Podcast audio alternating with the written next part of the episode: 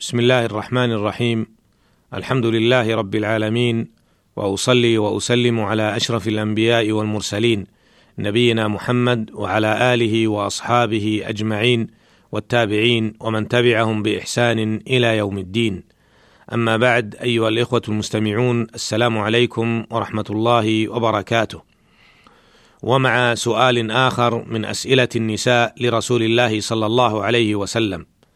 أخرج الشيخان وغيرهما عن عبادة بن الصامت رضي الله عنه عن النبي صلى الله عليه وسلم أنه قال من أحب لقاء الله أحب الله لقاءه ومن كره لقاء الله كره الله لقاءه قالت عائشة أو بعض أزواجه عليه الصلاة والسلام إنا لنكره الموت قال ليس ذلك ولكن المؤمن إذا حضره الموت بشر برضوان الله وكرامته فليس شيء أحب إليه مما أمامه فأحب لقاء الله فأحب الله لقاءه. وإن الكافر إذا إذا حضر بشر بعذاب الله وعقوبته فليس شيء أكره إليه مما أمامه. كره لقاء الله فكره الله لقاءه.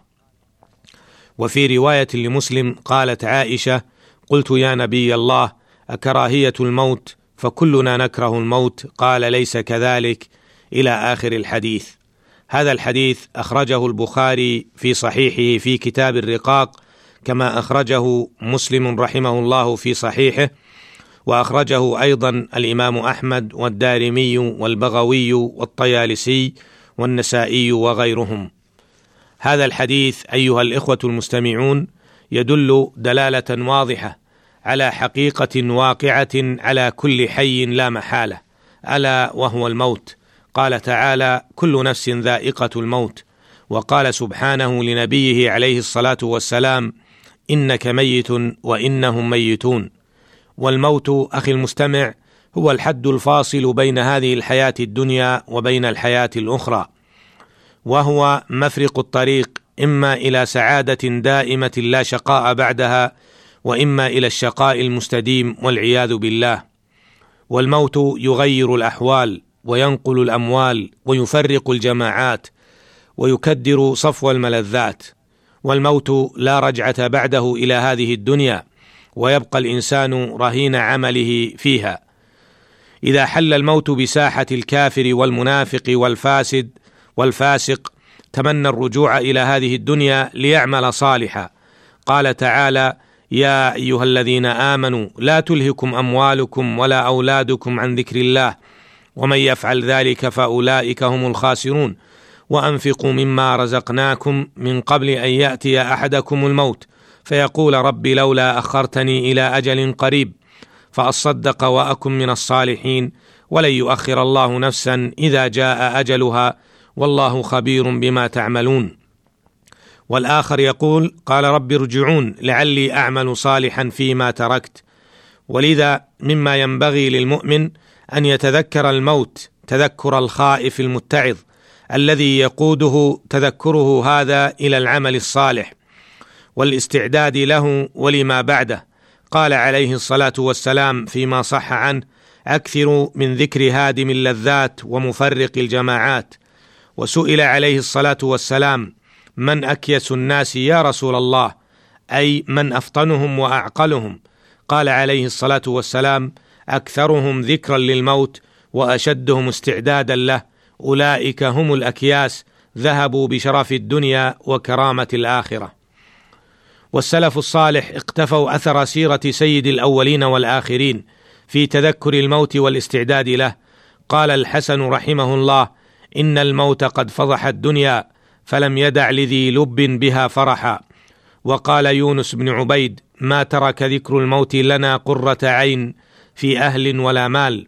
ويقول مطرف بن الشخير رحمه الله إن هذا الموت قد أفسد على أهل النعيم نعيمهم فالتمسوا فالتمسوا نعيما لا موت فيه. لقد أمن أهل الجنة الموت لقد أمن أهل الجنة الموت فطاب لهم عيشهم وأمنوا الأسقام فهنيئا لهم طول مقامهم. إن من الخسارة للإنسان أن يفجأه الموت وهو في غمرته من الساهين وفي الدنيا من اللاهين وفي حطامها من العابثين فكفى بالموت للقلوب مقطعا وللعيون مبكيا وللذات هادما وللجماعات مفرقا وللاماني قاطعا. إن اللبيب العاقل هو الذي يتذكر الموت والسكرات وحشرجة الروح والزفرات ووداع الأهل والأصحاب والذريات. ومما يدل عليه الحديث أيضا أن الناس كل أن الناس كلهم يكرهون الموت ولقاءه. تقول عائشة رضي الله عنها إنا لنكره الموت. يكره الناس يكره الناس الموت لما ذكر من خصاله فكم فرق من أسر وشتت من أصحاب وأيتم من أطفال وأرمل من نساء وهدم من لذة وفرق من جماعة وبدد الأموال وقطع الأماني والأمنيات. لكن مع هذه الكراهية للموت إلا أن حال المؤمن الذي آمن بربه في هذه الحياة وعمل صالحا فيها وأدى ما افترضه الله عليه وراقب الله تعالى في أحواله كلها بينه وبين الكافر والمنافق الذي عصى أوامر ربه واغتر بدنياه وانشغل بها عن دينه فأتاه الموت على غرة فحال المؤمن حال المستبشر. أما حال الكافر فحال الكراهية والعياذ بالله. ومما يستنبط من الحديث أن المؤمن سعيد في دنياه وعند مماته فهو مرتاح في هذه الدنيا. إن أعطي منها شكر وإن ابتلي بها صبر كما قال عليه الصلاة والسلام عجبا لأمر المؤمن إن أمره له كله خير إن أصابته سراء شكر فكان خيرا له. وإن أصابته ضراء صبر فكان خيرا له وليس ذلك إلا للمؤمن.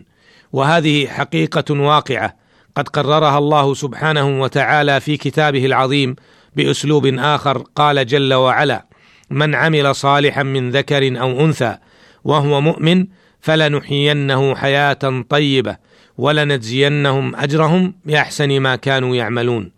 فهو مرتاح مطمئن هادئ البال عند الموت. هذا ما دل عليه الحديث.